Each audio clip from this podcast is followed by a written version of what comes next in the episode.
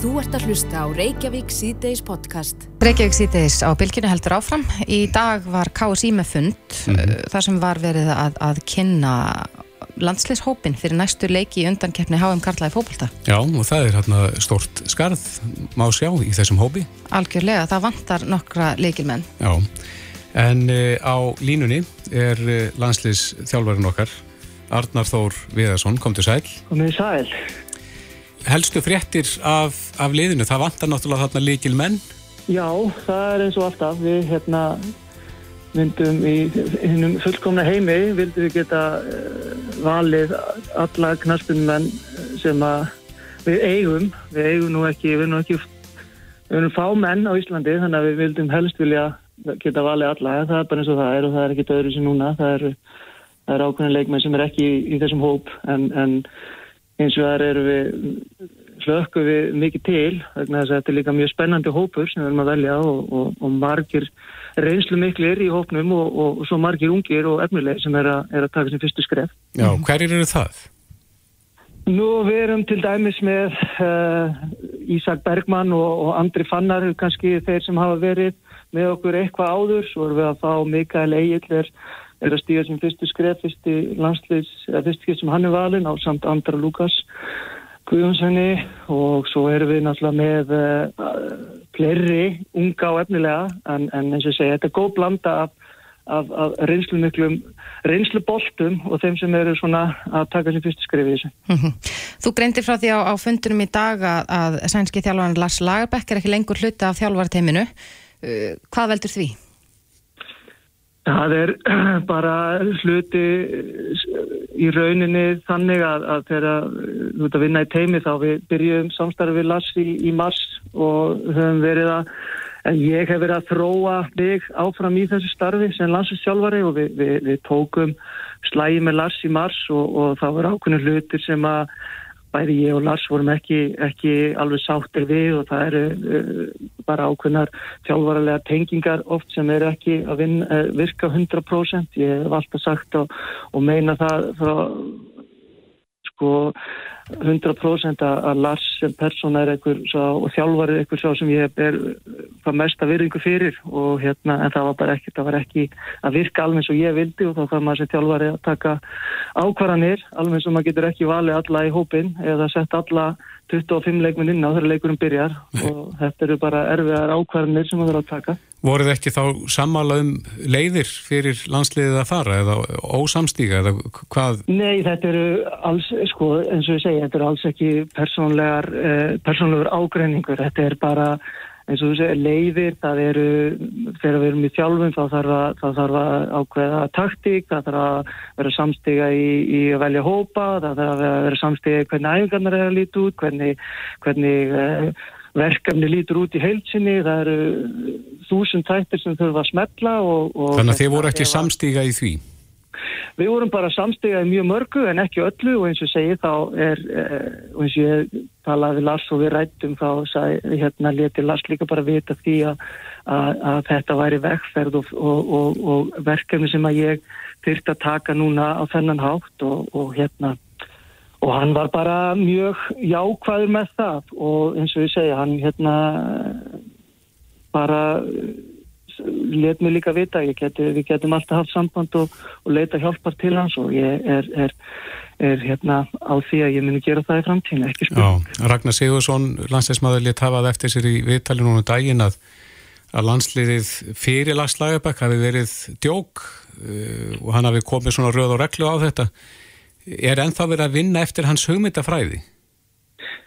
Ég er bara alveg sammála því sem að Ragnar sagði þar að það hérna Lars komið mikla fagmennsku inn í, í landsliðsumhverfi og landslið þegar hann tók við og var svona okkar fyrsti Uh, atvinnumanna þjálfari, ef við getum orðað að þannig. Þetta var svona svo þjálfari sem hafi reynslu af atvinnumennsku og hérna bara breyti nánast öllum verkferðlum og, og hvernig hlutinir eru, eru gerðir í, í og, og gerðir í alhanslinu þannig að það er bara alveg horrið hjá, hjá Ragnar og það er verið að vinna eftir mjög mörgu ennþá eins og Lars setti hlutin upp og síðan tók náttúrulega heimir uh, keflið áfram og, og hérna og, og, og vann eftir sömu gildum og þetta eru bara Íslands gildi sem eru enn, ennþá inn í, í alhanslegu kalla, ekki spurning. Mm -hmm. Tveir leikmenn hafa glimt við COVID-19, eh, þrýr til viðbótar eru meittir og svo er landsleismadurinn Gilvið Þór Sigursson, eh, já ekki haldi lauruglu, heldur laus gegn tryggingu í Breitlandi. Ertu, já tekur við góðu búið, ertu bjart síðan á framhaldið?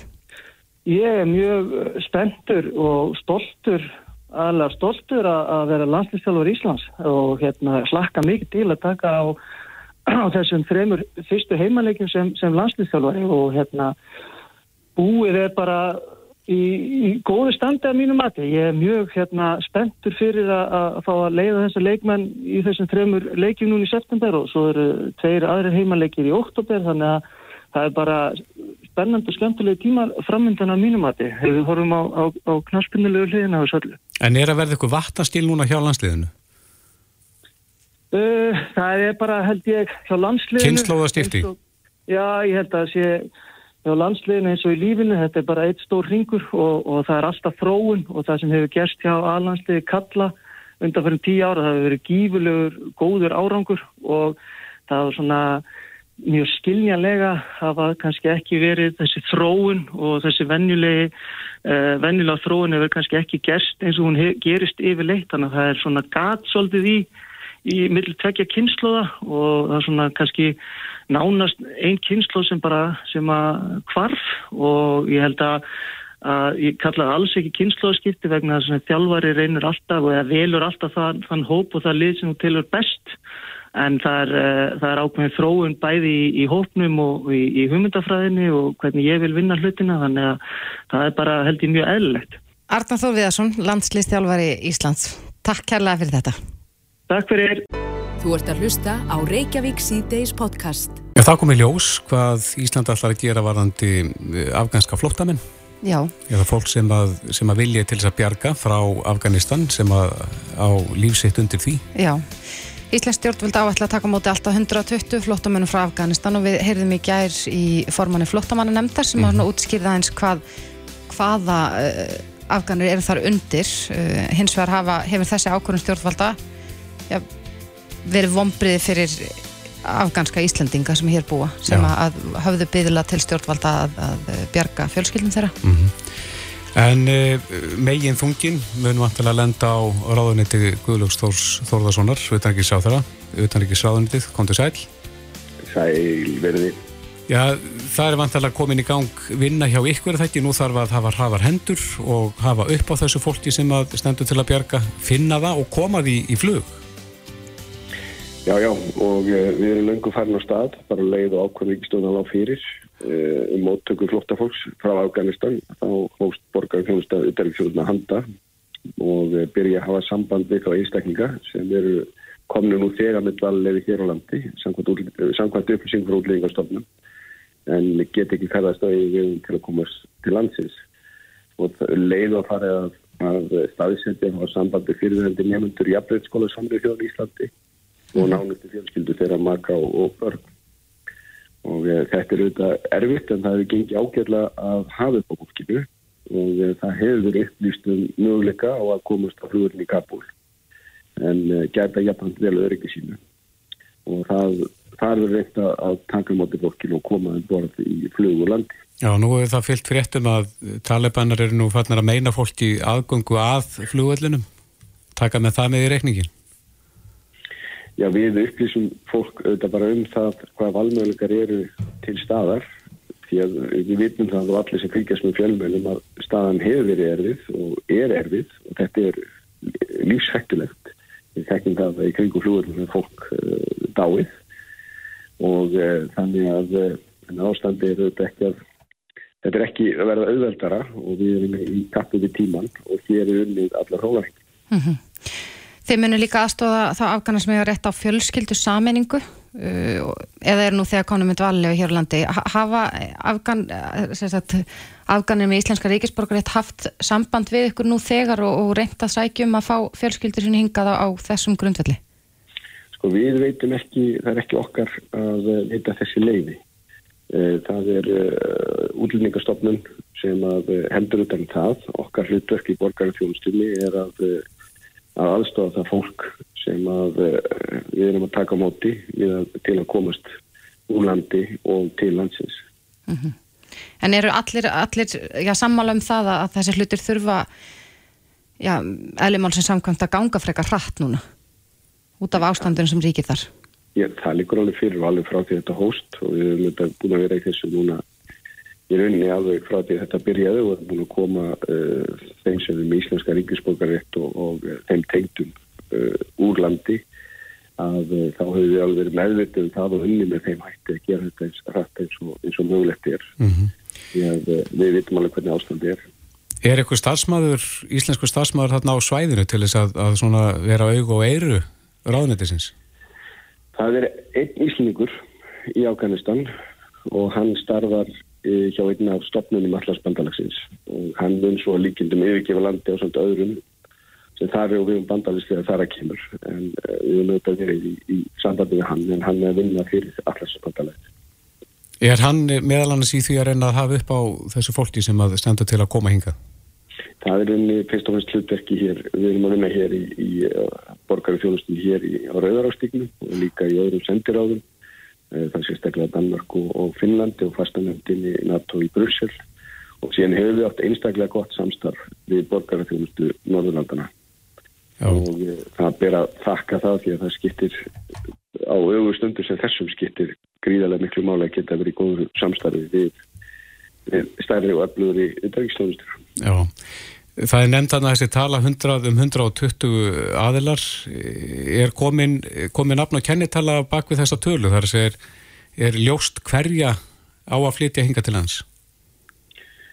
Eh, það er svona, þetta er áallega þetta getur verið alltaf 120 mann sem það er erfitt að leta fjölda nákvæmlega það sem að fyrir til fjölskyldur samsetning og eh, en aðalega það sem að okkur snýri er í rauninni bara að hjálpa því fólki sem við fáum skilabóðum að, að við höfum hafa samband við og eh, upplýsa þá um, um möguleikana og eh, síðan gera hvað við getum til þess að aðstofa því.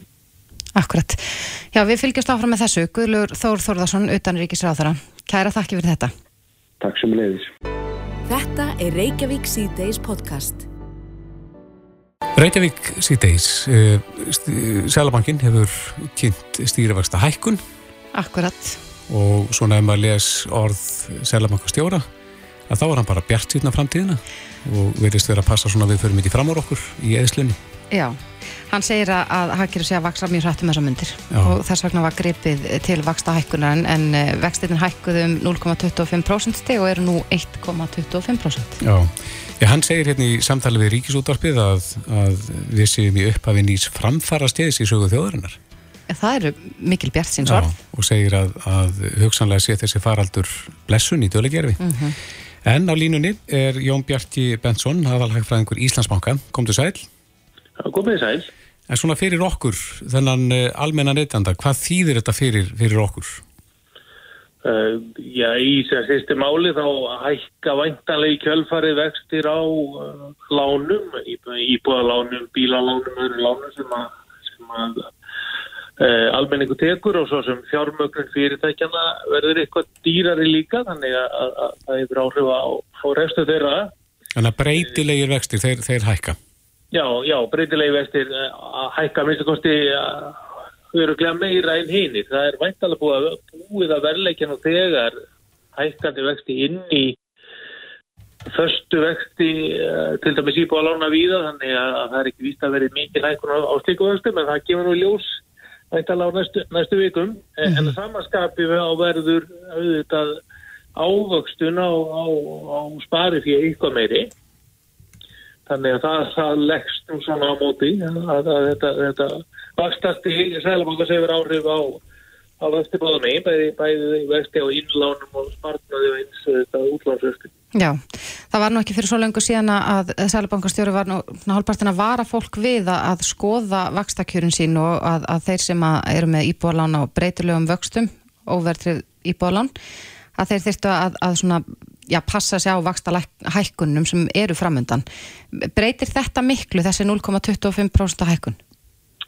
Eh, ekki ein og sér og, og kannski stóra myndin ekki svo mikið breytt ég sé að, þó að þó að, selbakastjóri sé bjarsinn og leti yfir honum svona var þetta efnars horfirna þá ef maður rýnir í spábankans þá er stóra myndin ekki mikið breytt. Það, er í rauninu verið að færa vöxtamelli ára, það er verið að gera ráð fyrir svona bata hraðar á þessu ári og minni á næsta ári og, og, og þannig að staðan eftir uh, 23 ár í vastæðakvörinu, það er ekki endilega að vera önnur eða útliti fyrir hann í dag heldur að hann var uh, hérna, fyrir þessa vastákun.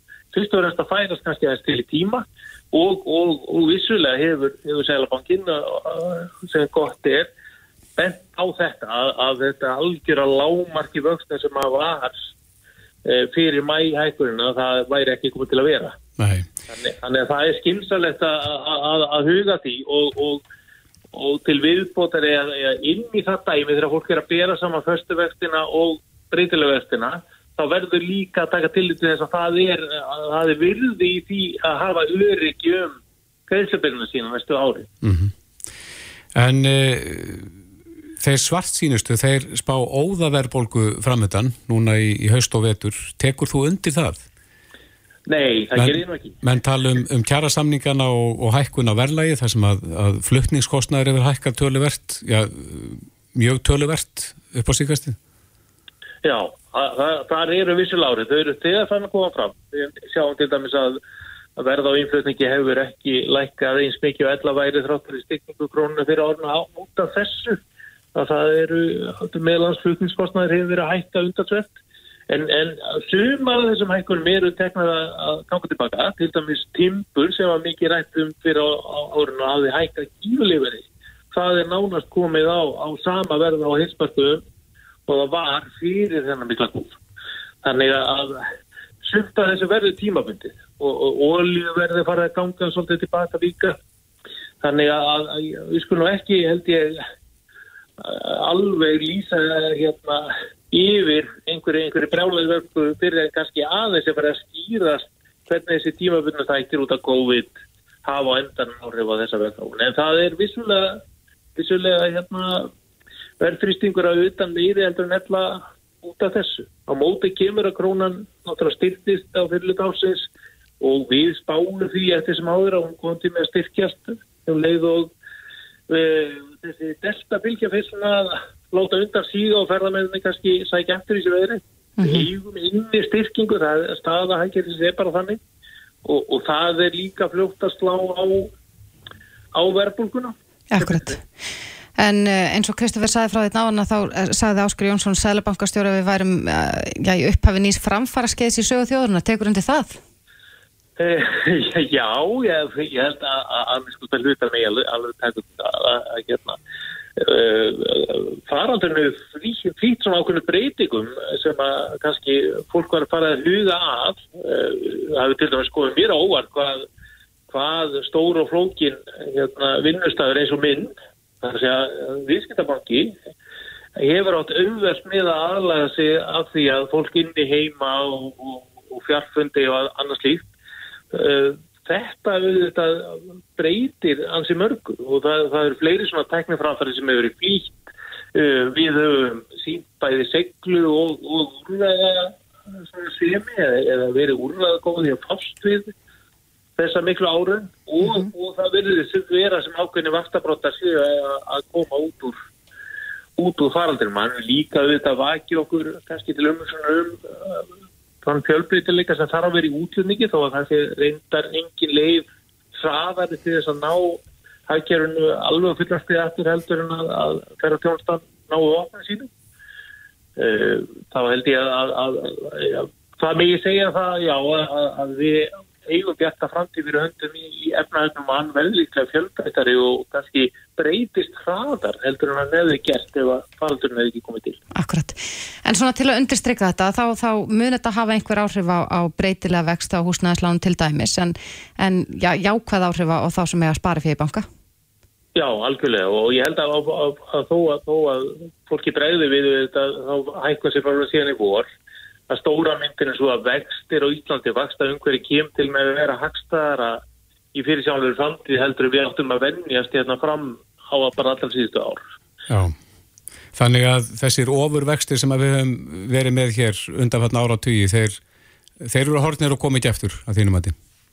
ég held að séu blessunlega litla líkur á því nema við missum algjörlega tökin á hagstjórninu, hún er orðið miklu tröstaðaldunum var, þetta voru svona lausatök og, og vantaði langtíma hugsun og hver höndinu mot ennari og það leipti til þess að við vorum að klíma við miklu hæra vastastið heldur en aðra þjóðir og þetta hefur sem betur fyrir lagast mikið. En fer það ekki eftir hver við völd?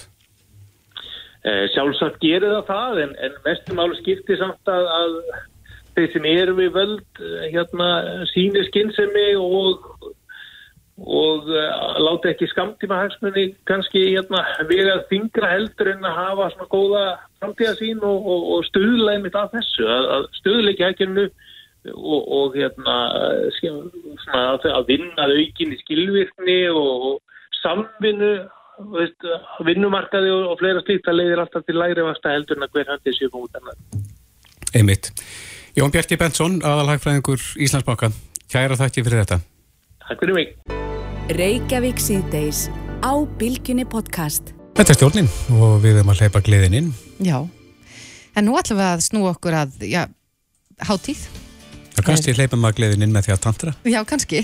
Það er það sem við munum komast að eftir smástund, en ég rakst á Facebook í gæra á viðburð sem fer fram í uh, lok september Já. sem heitir Æsland Tantra Festival mm -hmm. viðburðun er reyndar á ennsku þannig ég get ekki lesið fyrir því hvað stendur þar en, en einn af skipuleggjandunum er hingað til okkar komin Matilda Gregersdóttir kom til sæl og takk kærlega fyrir að hafa mig Já, segðu okkur aðeins frá þessu Æsland Tantra Festival, hvað fer fram á þessar hátíð? Jú, við erum nokkra skiplegandi saman sem eru að kokka saman hátíð sem mm -hmm. stendur í og við höfum ekki séð í raun á Íslandi svona þryggja daga hátíð það sem að gisti sama þetta er á hótellögum í Sælingsdalur mm -hmm. við verðum eins og sama svæði, stór hópur og svo verður heilt hlaðbort bara með vinnustofur þrýr kannski í einu sem hann velur braut og svo fæ maður sér góð mat sem veitingastæðin Mama nýri bæ, svona æðislega góð matur fyrir líkamann mm -hmm.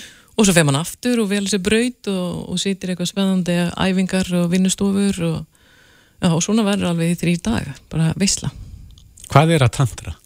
Já, það er svo spennandi spurning sem hægt er að tala mjög lengi um en heila tantra fræðins nýst um vitund og eins og hækka sín eigin vitund margir heyrir talast um nú vitund til dæmis mm -hmm. og mindfulness og allt hvað hann heitir á ennsku Eh, og þegar maður síðan tekur þetta enn nær sig og hlut af heila þessi fræði snýst um kyn orka eh, og ég til dæmis elska kyn orka, mér finnst það bara það besta sem til er. Og við öll eigum kyn orka í kerfið okkar alla daga, allan tíman.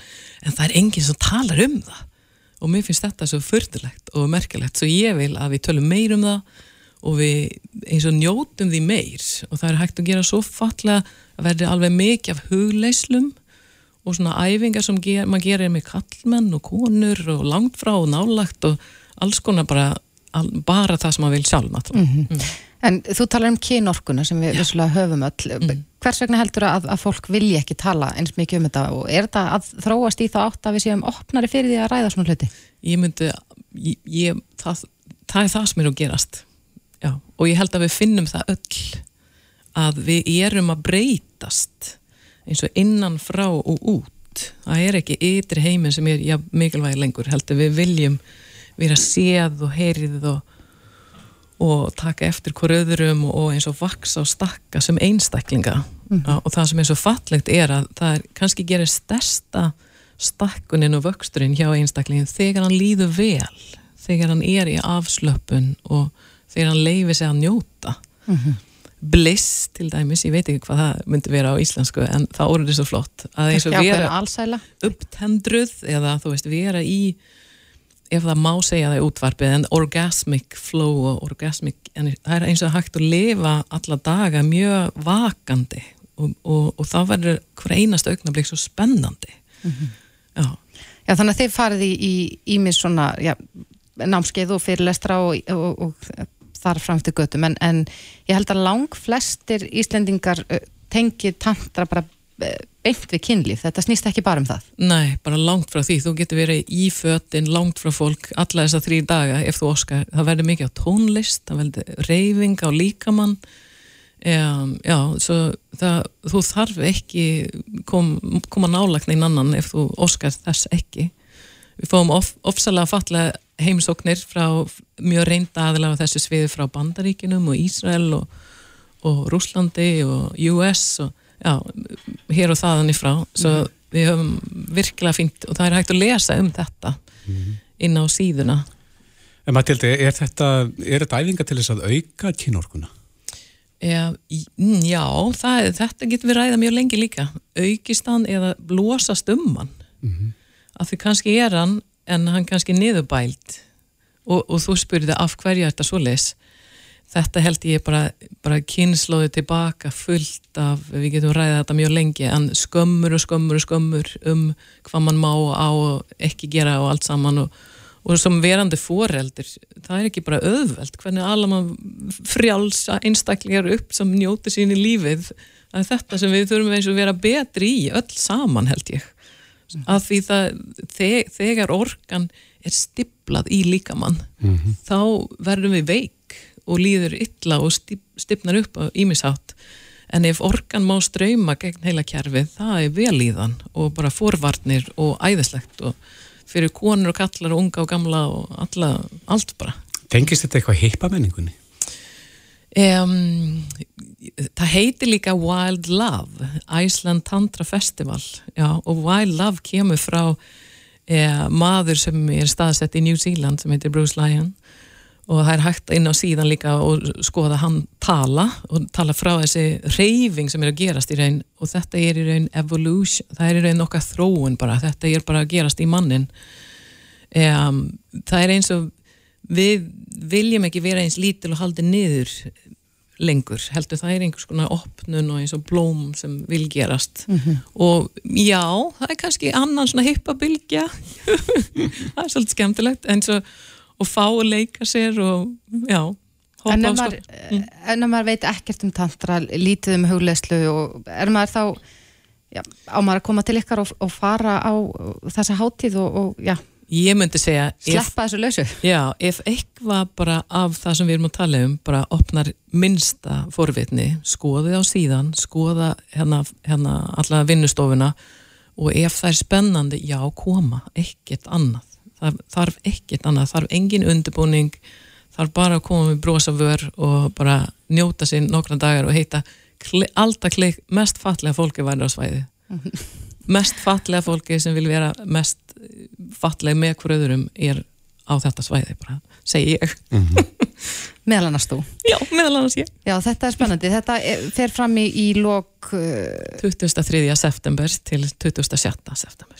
Og hvar skoðar maður síðan ykkar? Síðan heitir inserviceofbliss.com inserviceofbliss.com Hvetjum alla til þess að skoða þetta. Uh, Matilda Greikersdóttir Kæra þakki fyrir komuna. Já, Takk kæra fyrir Reykjavík síðdeis á bylginni Já, Reykjavík síðdeis á bylginni Nú miðflokkurinn kynnti kostninga áherslu sínar í dag og þarna eru tíu svona leiðarstef Já, eh, tíu ný réttindi fyrir íslensku þjóðina eins og uh, þetta var orða á fundinum í dag. Já, segjum þetta að við komum til okkar, velkomin. Takk fyrir. Ef að fara eins yfir þetta, hvað, hver er áhersluðnar eru? Já. Hvað er viltu byrja?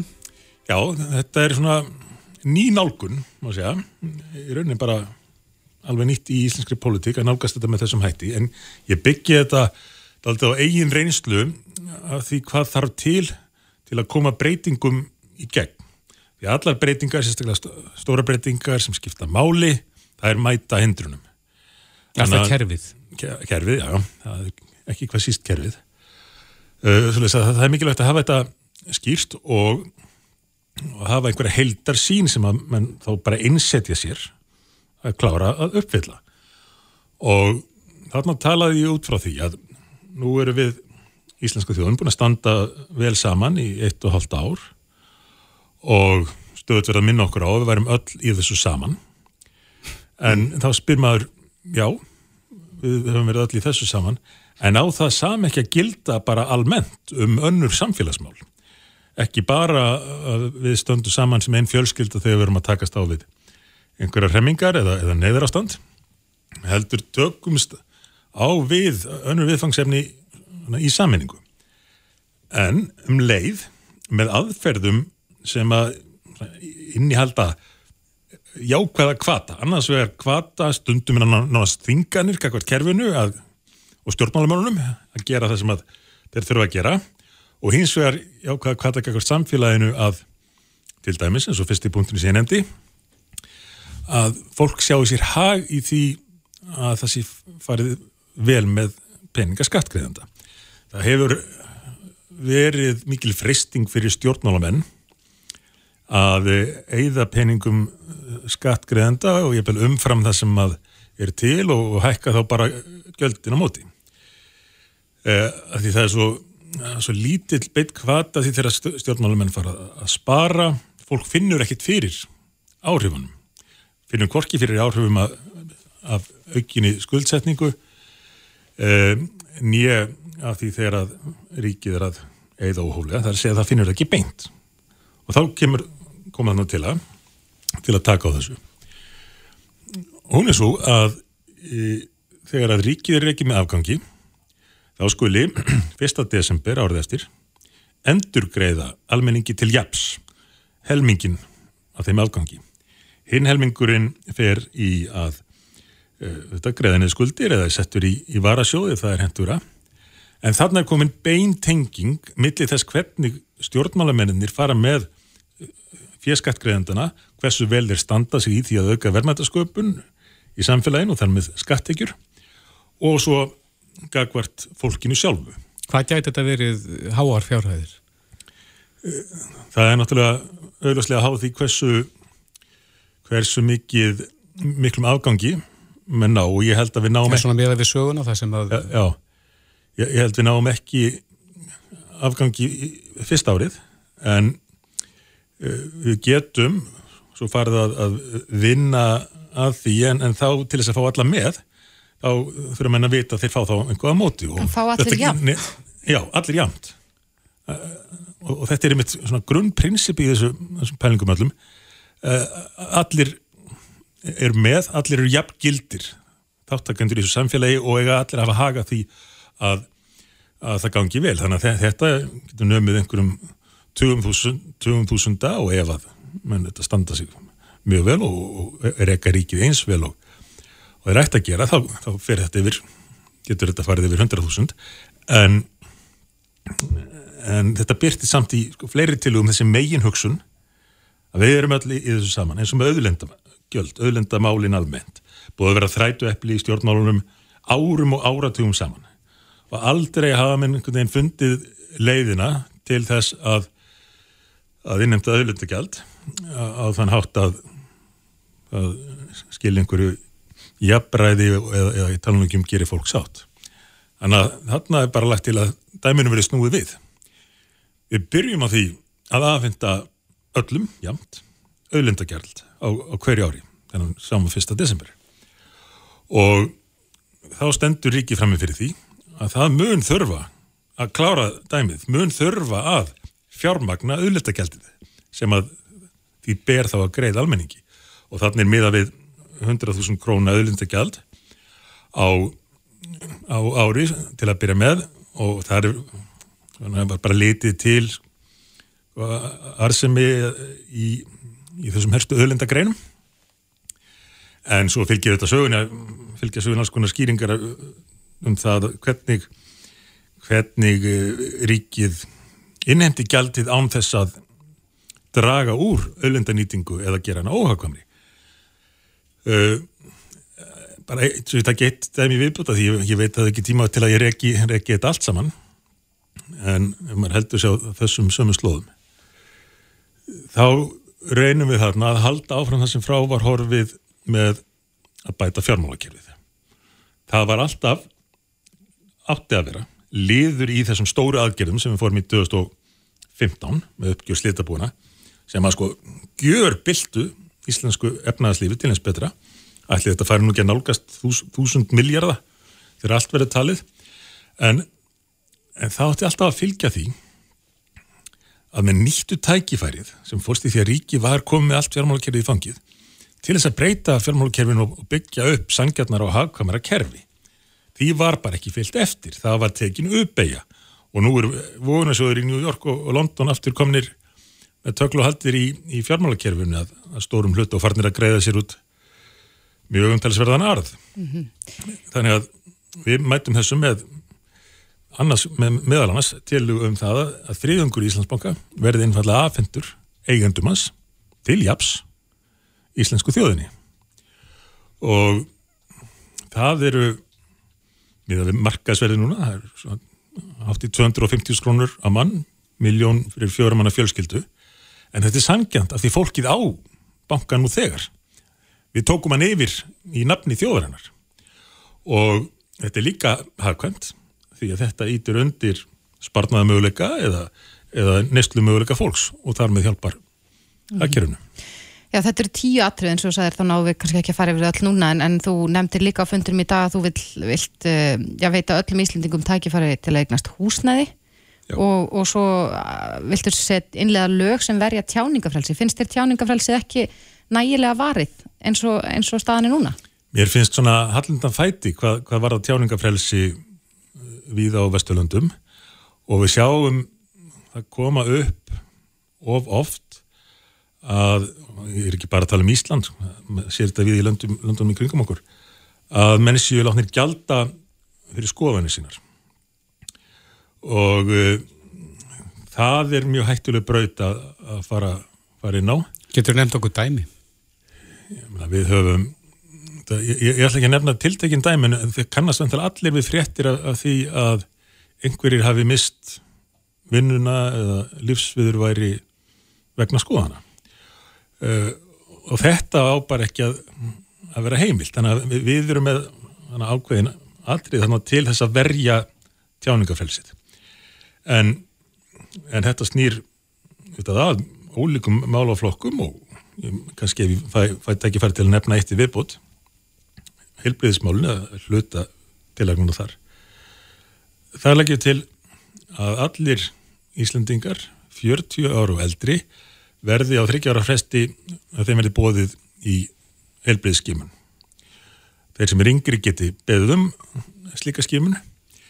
En við höfum séð það núna á, á síðustu missurum hvað, getur, hvað það getur tekist vel að fara í eins og hér þessar miklu skimanir bólusetninguna uh, annað hefur gengið verð eins og með krabbamennsskimanirnir vegna þess að þar einfallega fórum enn gegn því kerfi sem að hafi virkað Erstu að tala um þá um alls er að helsu það skoðun? Alls er að helsu það skoðun. Þetta er eitthvað sem að menn nýta sér, ekki hvað síst erlendis, sérstaklega þetta efnað fólk, valdamenni eru sendir í svona skoðun reglulega til þess að menn greinir þá fyrr hættur, sjúkdóma og geti grepið fyrr inn í. Hvenar ætti fólk að fara í svona skimun eða skoðun? Á hvaða aldri? ég, eða við dróum hérna mörkin við, við 40 ára og litum þar til þess sem að mælt er með hjá ímsum stofnunum Merilendi sem að sérhæfis í í svona skimunum en, en það er þó sá möguleiki ef fólk tilur til með til að menn byggji bara um skimun þó þau séu yngri eða fari í einhvern tilvikum oftar en á, þryggjar og fresti. Nú fyrir ekki að nú þekkja margir þessa heilsufæsa rannsóknir á Kára, Stefánsinni. Já, já Í törnunum ert að tala um eitthvað slíkt, svona yfirgripsmikla skoðun? Já, við erum látið fara með, með bílin okkar í skoðun, reyndar árlega til að tekka helsan sér í lægi hjá, hjá bílnum, ekkert leki og ekki, ekki séu komið vandamál. En því skildum við þá ekki sjálf láta skoða okkur og segi ekki að maður fá hérna, stimpil á sig ef, ef allt er í lægi, en... Ekki grænan miða? Ekki grænan miða, nei en fær upplýsingar um, um stöðina hvað þú getur þurft að bæta þig hvað er, er hugsanlega hætta á þú sérst að, að veikjast á, á einhvern hátt og, og þetta held ég á endanum muni reynast þjóðhagslega hafkamt þrátt fyrir að þarna sé lagt til að ríkið borgi þessar skimanir fyrir alla þá skiptir bara svo miklu máli að ná að grípin í tækatíð, ég tala nú ekki um að það berga mannslífum sem er nú kannski aðalatriðið og bætir helsu fólks. Eh, þannig að fólk mun geta valið hvað hva er það fer í þessa skimun. Þannig fá við samkeppni í því að bjóða upp á þessa þjónustu þau fyrirtæki þurfum við auðvitað fyll uppbyll ákveðin skilir því en þá borgar ríkið þeim sem að þú velur að fara til. Þannig að þú sér ekki fyrir þér að, að íslenska heilbreyðskerfiðurinn eru grípið þennan bolta og, og framkomið þessar skemana heldur frekar engaðilar? Ég hefur sannlega ekkert að móti því að ríkistofnanir gerir þetta líka en það er hafið þetta mikið að gera og mikið álag eins og á landsbytalanum svo leiðis að ég heldur myndum alltaf þurfa að fá fleiri með okkur í þetta sem er þá líka bara gott fyrir, fyrir helbriði starfsfólk það hefur fleiri valkosti með, með atvinnu og getur þróað sína þekkingu og, og ég, einhvað nýtt nýskupun orðið, orðið til upp úr þessu. En, en mér finnst bara að við þetta fáminn þjóð í svona gjöfulu landi við eigum að leiða okkur bara að passa upp á alla á sama hátt og, og, og ríkt fólk í bandaríkjunum lætu skoða sig reglulega og þingmann og fósittar eru sendir í svona, skoðun gerum þetta bara fyrir alla Íslandinga við sjáum að það er hægt að framkvæma svona hluti við, við höfum fengið góð dæmi um það undanförnu og ég held að þetta geti orðið mjög stór þáttur í að, í að bæta líðan og helsu landsmanna. Mm -hmm. Kanski rétt aðeins í lókin áður en að eh, höfum ekki meiri tíma, en eh, mér langar aðeins að koma inn á þetta með húsnæði. Hvernig sér þið fyrir þeirra að, að veita öllum íslendingum tækifærtilega eignast húsnæði? Já, það eru eh, nokkur atriði. Í, í fyrsta lagi með því að bjóð upp á svo kvöldur hlutdeldar lán eins og lagt var upp með þegar að hugmyndarum var kynnt fyrir held í fimm árum, Ragnar Árnason kynntist líka hugmynd uh, gera það eins og þar var lagt upp með ekki eins og við höfum séð í framkvæmdini hérna sem að mér finnst nú best að segja stór förðuleg það sem að er nokkru sem ári einhvað haptrætti það sem að fólk getur hugsanlega fengið uh, sko, styrk, nei hérna þetta mótframlag, en þar þá að vera búið helst að gera skuldbindni tilbúð, íbúð. Veit ekki hvort það fær mótframlæðið og á ekki rétt að mótframlæðinu nema það þurfi mótframleiði til þess að kaupa íbúð, þetta er allt mjög undarlegt. Þa, þannig bara farið einfaldi í það að innlega þetta á einfaldan og skilverkan hátt. En einnig uh, gefist fólki kostur á því að greiða 3,5% stig af, af lífriðsjóðs framleiðisinu í sérstakann sjóð sem að megi svo nýta til þess að kaupa húsnaði því að það er einhvað bói við það að fólk sé að láta ávasta peningana sína ofta á lágum vöxtum þurfum við svo að taka lán í staðin á miklu herri vöxtum til að kaupa húsnæðið sem að verður oft grunnurinn að e- eignum þínum í, í, á efri árum. -hmm. Já, þetta eru eh, eins og hefur komið fram að sé stórtæk lofórði eða áherslur sem að þeir eru með fyrir kostningarnar og við höldum að fram að fylgjast með ykkur Sigmundur ja. Davík Gunnlússon Takk fyrir, ég hvet fólk til að kynna sér þetta á miðflokkunum.is Takk fyrir komina Takk. Á Bilginni podcast. Reykjavík síðdeis á Bilginni heldur áfram. Í gær og í fyrra dag voru uh, fjölmörg börn bólusett í Ljóðartarshöll og uh, ég talaði við hana Ragnæði Ósk Erlendsdóttur frangatastjóru hjúgrunar áðan til þess að fá svona nýjastu tölur. En þetta voru svona eitthvað um tveir þriðju þeirra sem voru bóðaðir Eh, sem að þáðu bólusetningu í gær. Já, þannig að það var eins í gær eins og í fyrra dag að, að, að tveir þriði mættu. Já, mm -hmm. og það er, eh, maður hefur nú heyrst á, við höfum heyrst frá fóreldrum barna á þessum aldrei að sömur eru nokkuð tvístígandi með það sko ætti það að láta bólusetja börnin sín eða ekki Einmitt. og séðan eru þetta einhver börn sem hafa mjög sterkar skoðun á þessu og mm -hmm. vilja bólusetja sig og aðri ekki. Já. Þannig að, að eh, en það er nú alveg skiljanlegt að, að fólk já, sé svolítið tvístandi held ég. Já, jú, það er, það er skiljanlegt og sérstaklega það sem að börnin eigi hlut. Þannig að á línunni er Ástýr Haraldsson, hann er profesor í barnalækningum og starf sérfræðingur í ónæmislækningum barna. Kom til sæl? Kom sæl. Já, það eru áhyggjur að núti heyru við hjá foreldrum og, og tölurna bara sína það að, að tveir þriðju mæta í bóða bólusetningu. Ég til það reyndar uh, vera framfæran árangur til að vera mjög gott og mikil meiriluti fóreldra og, ólinga það er tegið að fá þess að vörð við, við segja gegn COVID. Mm -hmm. uh, sama tíma þá, þá finnst mér algjörlega sjálfsagt að segja að ég skil algjörlega áhyggjur fóreldra og vangaveltur fóreldra uh, varðandi þessa bólusetningu. Þetta er ný bólusetning og, og upplýsingar á samfélagsmiðlum hafa kannski að mínum að vera svolítið skriðnar. Þannig að það kemur mér ekki eftir á óvart að sumir heiki.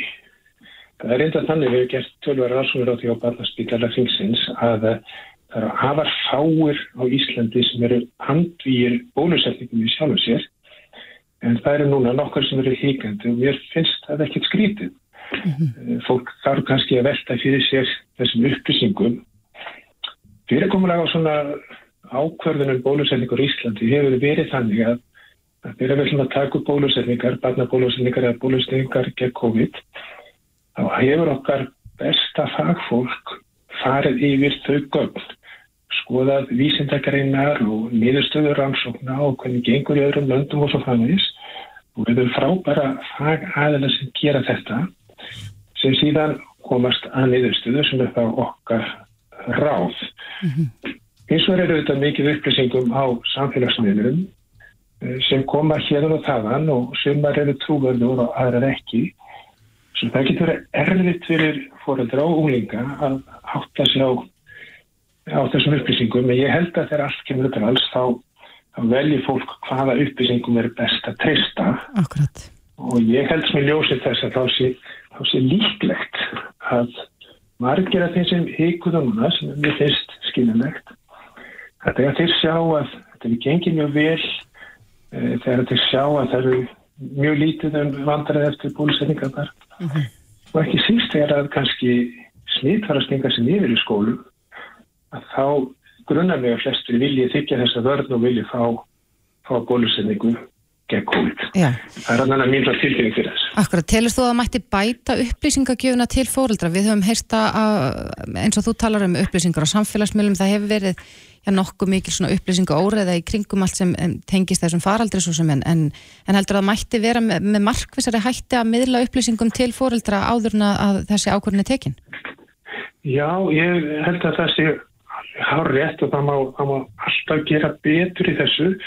Uh, við Íslendingum höfum stað okkur ótrúið vel almennum upplýsingum með þessa morgunhundi þrýkisins og svo framvegs en, en það er vissulega rétt að um, sérstaklega þegar kemur svona bólusetninga heik að þá er örglegt að gera betur með því að freysta þess og einan að máta að koma eh, réttum faglegum upplýsingum til fóröldar og unglinga það er örglegt að gera betur í því já. Já, en ástjær ef við ættum að tala um kosti og ókosti og bera þá saman og vega og meta já.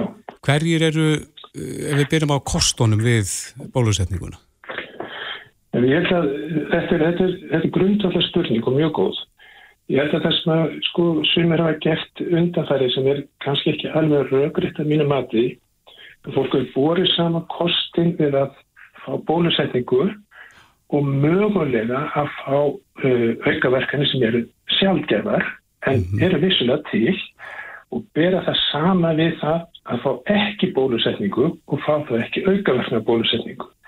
Þessi samanbyrður er að mínum að þetta skakkur og það er að bera saman áhættuna fá aukaverkunar bólusetningur með að áhættuna að fá hugslega síkinguna mm -hmm. og að henni er þetta miklu alvarlegri afleiringar. Þannig ég held að það sé kannski aðal munun í því hvernig samanbyrðin hefur verið skakkur. Það er alveg rétt að það eru aukaverkunar af bólusetningunni. Sumar þeirra eru eðlilegar, bara sem allar aðrar bólusetningar, ef maður fæði bólusetningur sem krakki, þá fá krakkar hýta og, og svolítið nöðverk og svolítið lasin bara vegna þess að ónæmiskerfið er að vinna í því að búa til mótefni og búa til minnisfyrmu til þess að vernda. En er þá rétt að tala um það sem aukaverkanir? Það finnst mér, þetta er hálfrið, það finnst mér ekki verið aukaverkun, það er bara virkni bólusetningarna. Þegar mm. ég fekk þessir bólusetningarna mína þá beigði spenntur eftir að fá svolítið reikin og, og var svolítið segt, ég fekk ekki nú mikið reikin í fannst mér.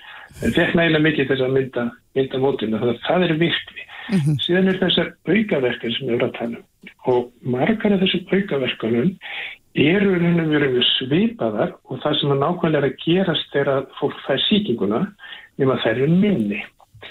Eh, maður tekur til dæmi sem dæmi eh, hjartavöðabólkuna sem hefur til umræðu. Mm -hmm. þá verður hún væntanlega til þannig að við bólusetjum gegn þessu, þessu brott próteini sem er eitt prótein eða mörgum prótein með yfirborði veirunar og líka með myndar mótefni gegn þessu brott próteini mm -hmm. einstakar sinnum myndar líka með mótefni sem er ekki alveg nákvæmlega nákvæmlega eins og því að vera. Mm -hmm og það geta mótefni líka beinst gegn einhverju öðru til dæmis hjartavef. Og þá geta komið vægar bólkur í hjartavef en það líka með ekki alveg nú nákvæmur. Sem betur fyrir að þetta verið sjálf, mjög sjálfgeft og yfirleitt gengið það yfir. Eins og er ef mann fá síkinguna þá er þetta bropprótein sem var verið að mynda mótefni gegn í miklu magni á veirunni og mótefni sem að myndast miklu meiri auknist eru mörg önnur mótefni sem að myndast uh, gegn öðrum prótenum og yfirbúru frumurar svo, svo áhrifin verða miklu miklu viðtækari. Akkurat. Til dæmis er þetta mjög vel tækt að eftir síkingu með COVID þá er hjartaðöðabólka sem betur þess sjálfgæð en hún er mun algengara fyrir virðist heldur eftir bólusetninguna. Þannig að kostinir eru ótvirætt eh, fleiri við það að fá... Ótviræðir og, og síkingin getur ráðist á flesta viði líkamast. Það er með tæli mitrakerfi og maður vissi bráða líkskinn. Mm -hmm. Líka síþreita og langvarandi þreita og getur sem sagt lagst á því að flesta viði líkamast. Þannig að fyrir mér, ef maður leggur þetta á óaskálarna þá það fyrir mér sem barnarættu ónúrsfæringi er þetta nokkuð ljóst. Já. Eh, Setja punktin hér, Ástýr Haraldsson, professor í barnalækningum og sérfæðingur í ónæmislækningum barna. Kæra þakki fyrir þetta. Sjálfsagt. Hlustaðu hvena sem er á Reykjavík C-Days podcast. Eins og við töluðum um hérna fyrir vikunni þá er núna hægt að kjósa utan kjörfundar í Já. kringlun og í smáralind Mm -hmm. en eh, eins og við rættum þá líka þá er frambóðsfresturinn ekki ennþá raunin út og nú eru held ég rúmar tvær vikur þar til að undirskriftir eh, semst svona meðmælendur flokkana þurfa að vera það þarf að klappa á klárt. Og það var En- nokkuð breyting á því að það ekki út af eh, ástandinu. Jú, og þessar undirskriftir eru núna rafrænar. Dómsmálráðanetti tók það ákvörðuna að undirskriftirna myndu fara fram rafrænt í gegnum Ísland.is og það er ekki allir ég er sáttir með þetta, einn af þeim er Gísli Rafn Ólafsson sem er frambjóðandi pírata í, í suðvestur kjördæmi, hann skrifar hérna á, á Facebook síðuna sína að, að þessar undirskriftir séu ekki að skila sér eins og búast máttu við því að kerfið sé sífælt að þetta niður og bila og að fólk fá ekki einu svona sko einhverja meldingu eða villu um að skráningin hafi mistekist. Þannig að það heldur að það hafi eh, ritað undir Já. en uh, hún telst ekki með.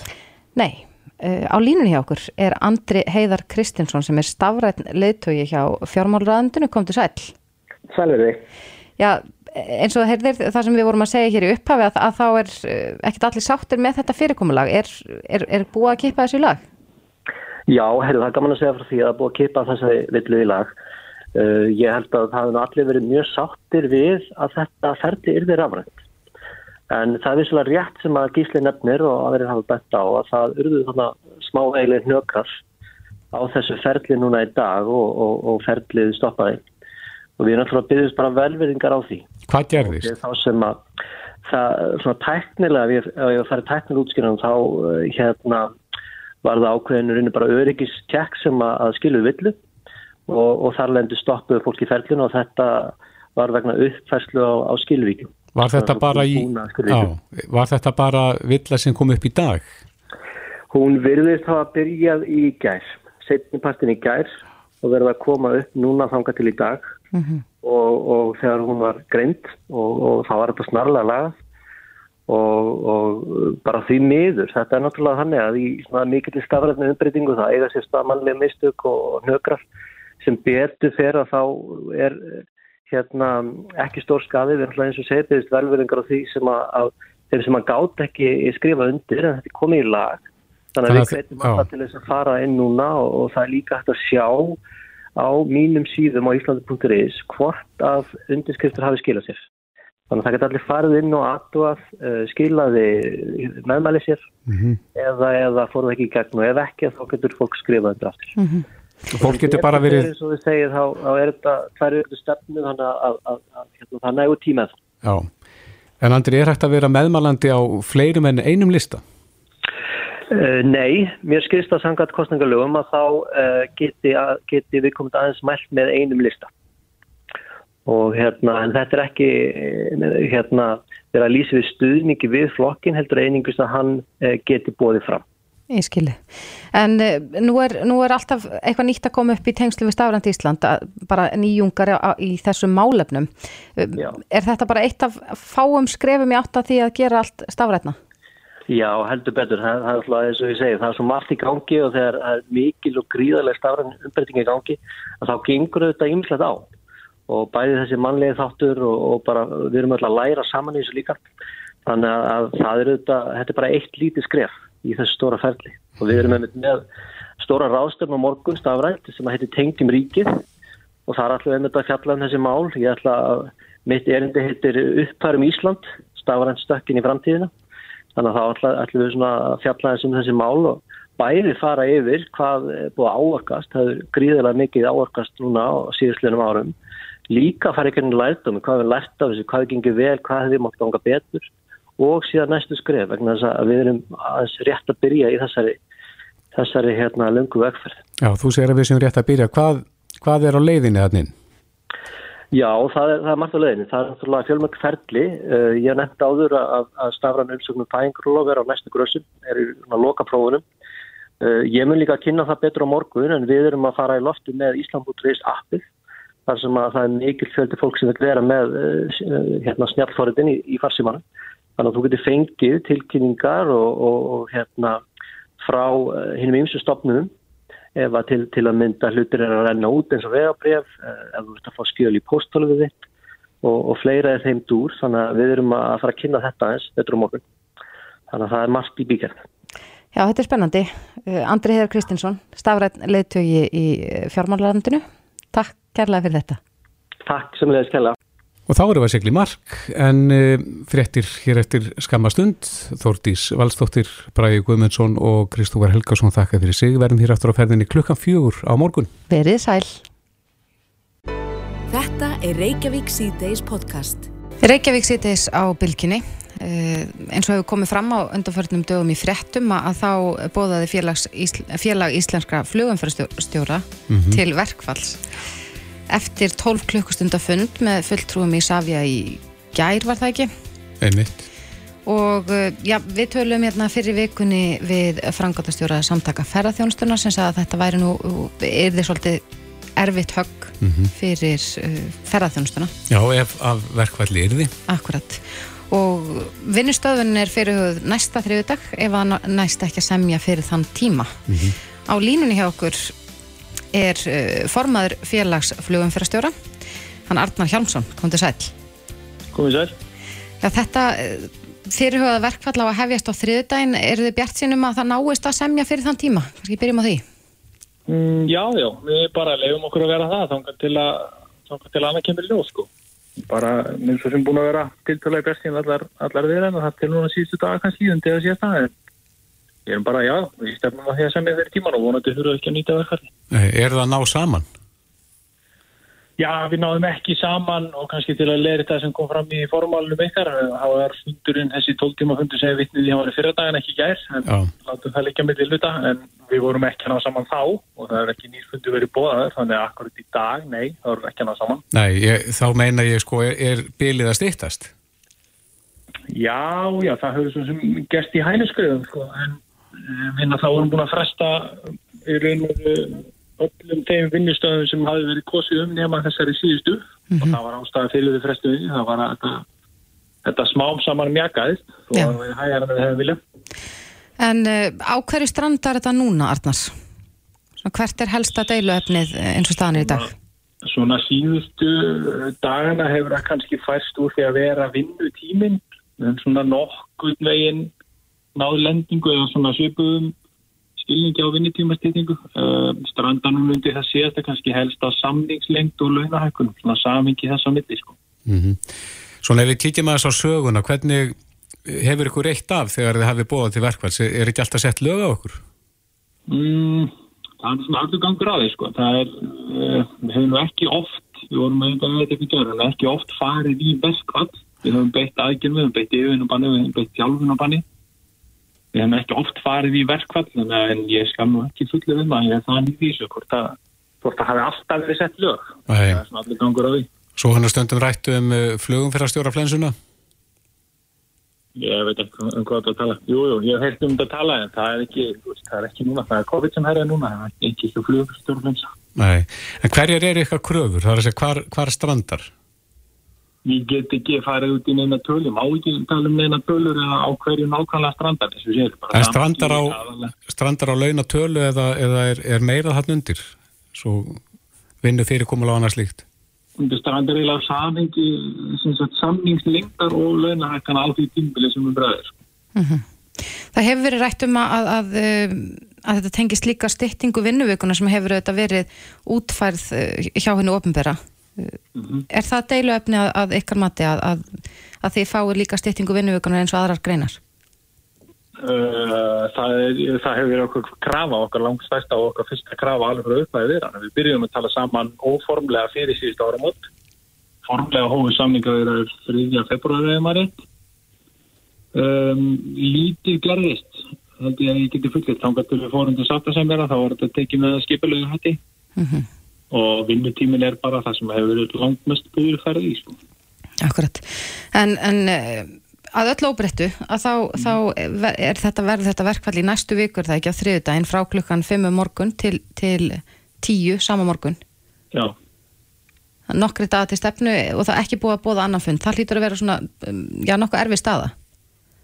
Mm, Já, auðvitað, já og nei, auðvitað, ég hef fulla skilning á því að það sé ekki bóða næsti fundur um leið og það er bóða verkvall, það, það verður svolítið missi sem þið skilja bóða senda, en bóðum næsta fundur, þetta er hann ríkisagt sem er á, hann bara hlýtur að gera það fyrir þessi, nei, ég vona það bara. Já, þessi tími sem að þið bóði til verkvall sá eða verkstöðunar, er þetta annarsammu tími í flugi? Þetta er annarsammu tími að kemlaðu og uh, já, það er helst og þetta verkefni er bara til félagsmann okkar hjá Ísafja og OHA sem starfa á gefleikunum Já, en þeir sjáu þeim starra svæði heldur en bara hérna kringum Íslandi það ekki? Jú, miklu starra Hvað gerist þá í varandi það flug sem að þarf að fljúa hérna yfir? Á þriðdæn þetta? Já Ekki neitt Það er bara uh, þeir starfsmenn sem er sinna því starfa hjá Ísafja ANS sem er dúktu fyrir Ísafja og OHA mm -hmm, Þannig að þetta snýrunur bara að millilandaflugi til og frá Íslandi Já, það snýr bara að raunin kemla eitthvað flugur og þeirri starfsemi sem það er sko. Akkurat. Já, við vonum að, að það þókist eitthvað í þessu svo að, að það far ekki allt úr böndunum upp á kemla eitthvað flugli. Já, svo sannarlega. Við tegum því það, eins og þess.